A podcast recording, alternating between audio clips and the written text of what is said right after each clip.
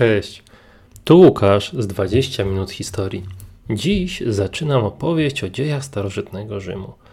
Opowiem Wam, jak to się wszystko zaczęło, jaki był początek miasta, które podbiło cały znany świat i w znacznej mierze zdefiniowało kulturę, w której obecnie żyjemy.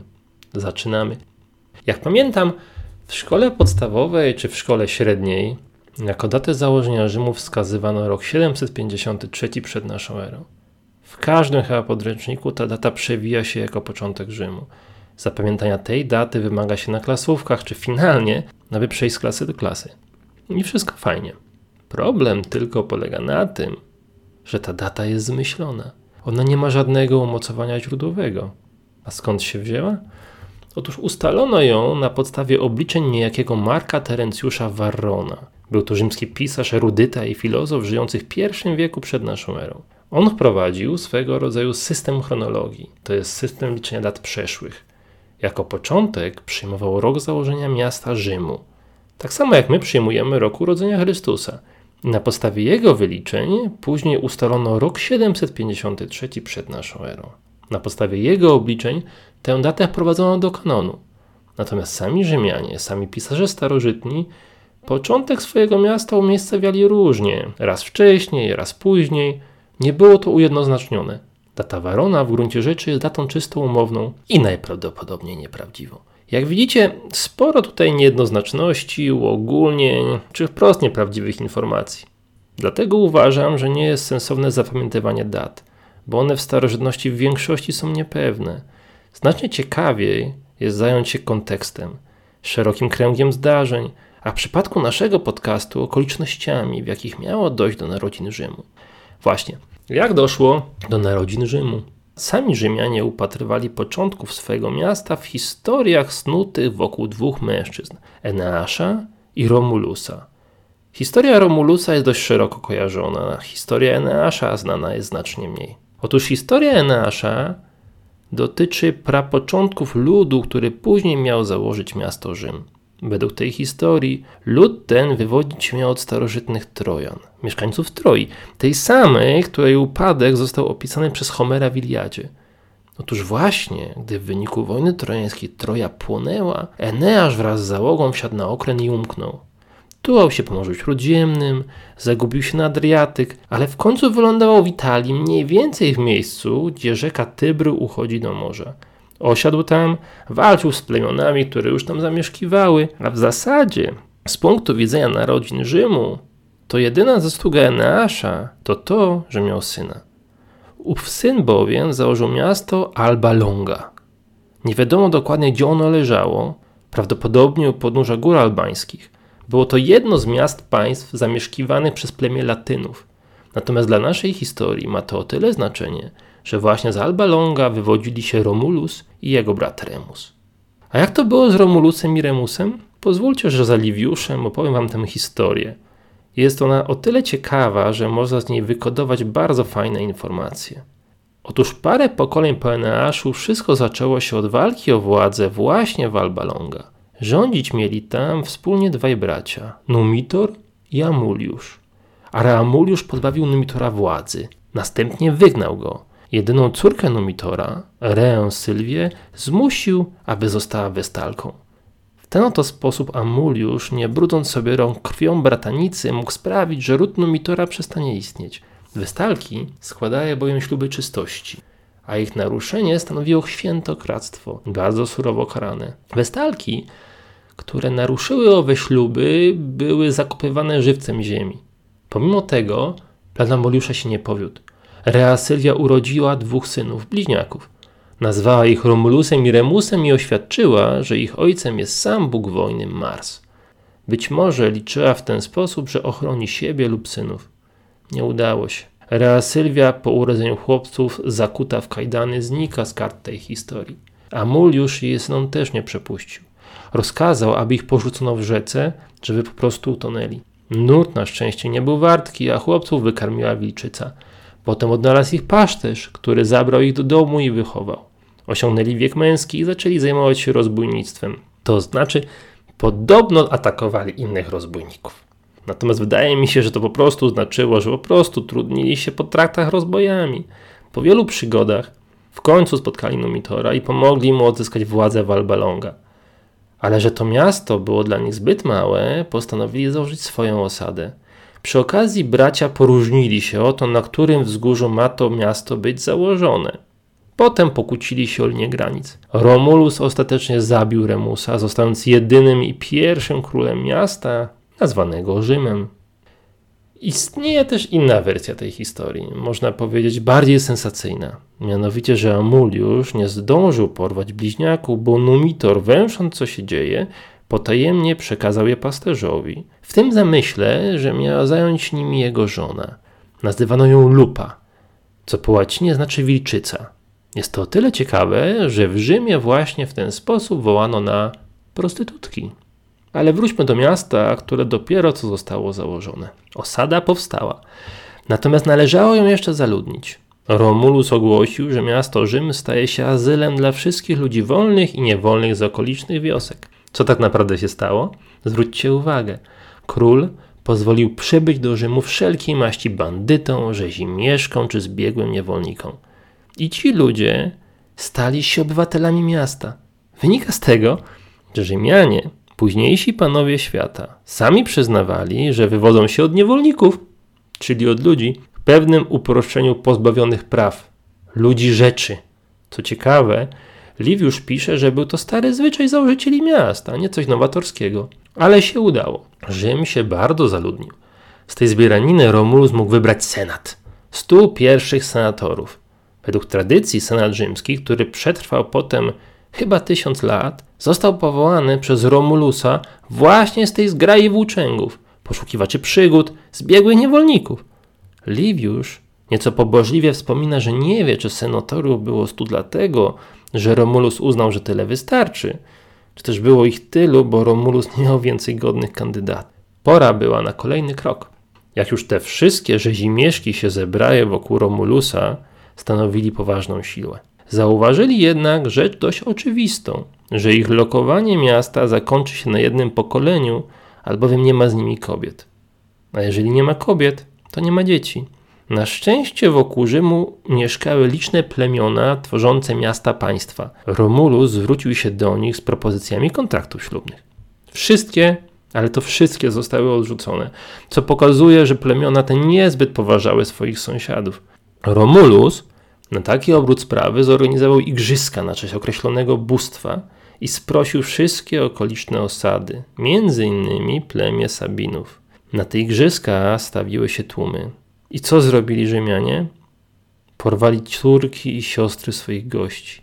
Przy czym, jak pisze Liviusz, częściowo szło to jak leci, no ale co do bardziej pożądanych partii, bogaci Rzymianie składali zamówienia, żeby je uprowadzić. To oczywiście doprowadziło do wojny. Sabinowie przecież nie mogli zostawić swoich córek ani swoich sióstr. Doszło do bitwy, ale w trakcie walki stało się coś niespodziewanego. Porwane Sabinki weszły pomiędzy walczące strony, żeby je pogodzić. Udało się, a to nawet więcej. Z tych dwóch narodów, rzymskich rzezimieszków i Sabinów, powstał jeden naród. Plemiona się zjednoczyły pod wspólną władzą królów i wspólną nazwą. Wspaniała opowieść. Oto zaczyna się życie osady. Mamy wszystko. Mamy obywateli, mamy organizacje, mamy urzędy, wreszcie mamy kobiety, słowem, mamy przyszłość. Tak właśnie ją narodzić się Rzym. Podsumowując tę opowieść, powiem Wam, że mimo, że od dobrych 10 minut zajmuje Wasz czas, snując opowieść o założeniu stolicy świata, to te historie są po prostu nieprawdziwe. To są po prostu mity. Zwróćcie uwagę, że chyba każdy organizm państwowy ma swoje mity założycielskie.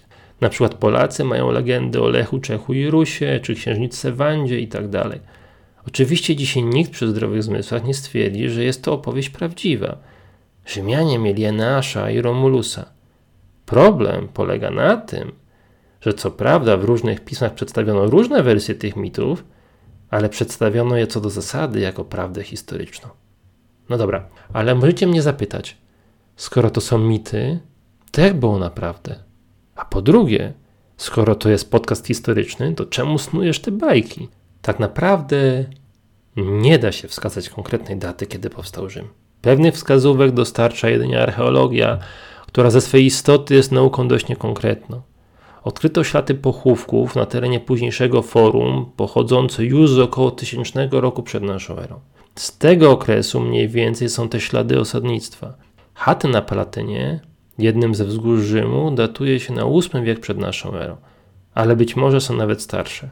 Różne wnioski wynikają z różnych metod badawczych. Natomiast też się spotkałem z takimi opiniami, że owszem, osadnictwo było tam wcześniej, ale ono miało charakter typowo wiejski. Natomiast zabudowania typowo miejskie to dopiero wiek VII. Jak badałem materiały, by nakręcić ten podcast, spotkałem się z ogromną różnicą zdań. Jedni z nim postarzają, inni odmładzają. Tak naprawdę nie jest możliwe ustalenie, kiedy Rzym założono, bo w mojej ocenie on mógł nigdy nie zostać założony. To po prostu była osada, która przez wieki ewoluowała, ewoluowała, aż przekształciła się w bardziej spójny, bardziej stały organizm państwowy, wchłaniając lub łącząc się z osadami, które były na sąsiednich wzgórzach nad Tybrem. Jest to możliwe. Aby Was do tego przekonać, mam pewną prośbę. Wyobraźcie sobie proszę Italię w starożytności. Tamta Italia to nie była bezludna ziemia, to nie była ziemia niezamieszkana. To był istny, ruchomy, zmieniający się tygiel narodów, skomplikowany, tętniący życiem organizm. W Italii przez wieki mieszkały różne ludy. Najpierw były to ludy jeszcze przedindoeuropejskie. Przyjmuje się, że ludy indoeuropejskie zasiedliły Italię pomiędzy XII a IX wiekiem przed naszą erą. Mito Eneaszu zdaje się do tego nawiązywać. Liviusz pisze, że jak już Eneas dobił do Italii, stoczył walki z plemieniem aboriginów. Tak, tak właśnie pisze Liviusz, tak ich nazywa, aborigines. I przyjmuje się, że tu chodzi prawdopodobnie o pierwotnych mieszkańców Italii, a nazwa tego plemienia wywodzi się od łacińskiego zwrotu ab origine, od początku. Fajna historia, do mojej wyobraźni to niesamowicie przemawia ludy przedindoeuropejskie, a zatem kultury sięgające być może neolitu albo nawet paleolitu, czyli tych pierwszych, starych wspólnot jeszcze zbieraczo-myśliwskich. Kto wie jak było? Coś niesamowitego. Jeśli dodatkowo zwrócimy uwagę, że datuje się, że wojna trojańska, po której Eneasz miał uciec do Italii, miała miejsce właśnie w XII wieku przed naszą erą, to opisy Liviusza i podróż Eneasza zgrywają się czasowo z tym zasiedleniem Italii przed nowe ludy, ludy indoeuropejskie. Przez wieki ten ruch narodów musiał być niesamowity. W samym VIII wieku, już przyjmijmy go jako ten miarodajny okres czasu, wtedy Italia stanowiła także istną mozaikę. Dzisiejsza Toskania, piękna kraina kojarząca się z renesansem i z kulturą, była taką już w starożytności. Mieszkali tam Etruskowie – bardzo tajemniczy lud, bardzo zaawansowany cywilizacyjnie, o którym w gruncie rzeczy niewiele wiemy. Ich pisma do dziś nie udało się w pełni rozczytać. Rzymianie wiele od nich zaczerpnęli. Sama nazwa Rzym może być etruskiego pochodzenia. Grecy nazywali Etrusków Tyrrenami. Dzisiaj, zwróćcie uwagę, jest Morze Tyreńskie, czyli do dzisiaj Toskania leży nad Morzem Etruskim. Idąc dalej, na północy Italia kończyła się na Nizinie Padańskiej. Tam zamieszkiwało plemię Wenetów. Co ciekawe, lud o tej samej nazwie istniał też na północy Galii, czyli północy dzisiejszej Francji i, uwaga, parę wieków później na terenach polskich. Czy to jest to samo plemię? Nie mam pojęcia. Ale ta zbieżność nazw może nie być przypadkowa. Przeskoczmy radykalnie na południe, na podeszwę tego włoskiego buta – tam z kolei są kolonie i osadnictwo greckich polis. Tam sięga tak zwana Wielka Grecja. W środku Italii, a ten teren interesuje nas najbardziej, jest jeszcze ciekawiej. Tam jest prawdziwy przekładaniec nacji. Są Umbrowie, są Latynowie, właśnie między innymi Rzym był na terenie plemion latyńskich, ale są tam też takie ludy jak Samnici, Wolskowie, Sabinowie, Lukanowie czy Marsowie. I tak jak czytałem o tych Marsach, to słuchajcie, a może pokuśmy się o taki retailing opowieści o Romulusie i Remusie. Przetrwała wersja, że ich ojcem miał być Mars, Bóg, ale może nie chodziło o Boga, tylko o członka tego plemienia Marsów, który uwiódł albo nawet dopuścił się względem Rei Sylwii nadużycia. Jak widzicie, Italia była istną mozaiką ludów. To prawda, nie mit. Italia była czymś w stylu dzikiego zachodu. Grasowały po niej różne uzbrojone bandy. I fakt, że w takiej mozaice nagle po prostu gdzieś w sposób płynny uformowała się osada, nie wydaje się czymś zaskakującym czy wyjątkowym. Może jakiś przywódca bandy rabusiów upatrzył sobie miejsce na zimowe leże, z którego wykształciła się potem osada. Owa osada mieniła się królestwem. Tylko, że ten rzymski król nie miał wiele wspólnego z naszym wyobrażeniem monarchy. To był normalny, pośredni plemienny wódz, który mieszkał w lepiance krytej strzechą. A tak na marginesie, to ów rzekomy pałac Romulusa się zachował. I podobno na Palatynie do III wieku naszej ery taka chata stała, kryta strzechą, wielokrotnie remontowana, nazywana Pałacem Romulusa. Ale wracając do głównego nurtu opowieści, to jak widzicie niewiele tu informacji pewnych. Więcej tu podań, mitów i legend. Zadacie mi zatem pytanie, czemu od prawie 20 minut zajmujesz nasz czas bajkami, skoro chcemy słuchać o historii, a faktów znamy tak niewiele? Odpowiedź jest bardzo prosta. Uważam, że w każdej legendzie, chmicie o Romulusie i Remusie musi być ziarnko prawdy. Powstaje bowiem pytanie, dlaczego Rzymianie, naród panów świata, hołubił taką historię? Zwróćcie uwagę, że mit założycielski nie jest to chlubną epopeją. To nie jest historia o wspaniałych ojcach założycielach, ale raczej powieść łotrzykowska, historia rzezimieszków, którzy się po prostu zjednoczyli, nie patrząc na nic, szli po swoje. Zauważcie, jakie byśmy nie wybrali wersji, to są tu pewne stałe motywy. Po pierwsze, Romulus i Remus byli dziećmi Westalki, a zatem zrodzili się z czynu świętokradczego. Po drugie, byli wykarmieni przed wilczycę, bądź przez prostytutkę. Romulus wreszcie stał się bratobójcą. Potem szył osadę ze zbiegłych niewolników i włóczęgów, a na koniec, łamiąc prawa gościnności, uprowadza kobiety obcego plemienia na to wszystko, by to zrównoważyć oczywiście spolany sos, że Romulus jest z rodziny królewskiej, a nawet, że był synem Boga i że wszystko odbywa się za Bogów błogosławieństwem. Nie zmienia to faktu, że epos rycerski to to nie jest. I teraz zastanawiam się, po cóż hołubić taki mit? Ma to sens, gdyby jednak była w nim jakaś część prawdy. A jaka? Wydaje mi się, zaznaczam, że to moje spekulacje, że te mity, mity założycielskie Rzymu to jest tak naprawdę recepta na to, jak powstaje prosta wspólnota ludzka. Jednostki same są skazane na śmierć. Jednostka potrzebuje zbiorowości lub nie do zbiorowości. Jacyś włóczędzy, uciekinierzy, niewolnicy łączą się w jedno, przyjmują wspólne przywództwo, zakładają miasto, nie ma w nim kobiet. W tamtym czasie, w czasach pierwotnych, jakie mieli opcje? Albo kontrakty ślubne, albo wojna, albo porwania. Rzymianie wybrali, można powiedzieć, to trzecie, najprostsze dla nich rozwiązanie. Ale się udało. Nawet potem podobno weszli w unię z Sabinami, czyli połączyli się z plemieniem, które było bardziej zasiedziałe i wyżej stojące.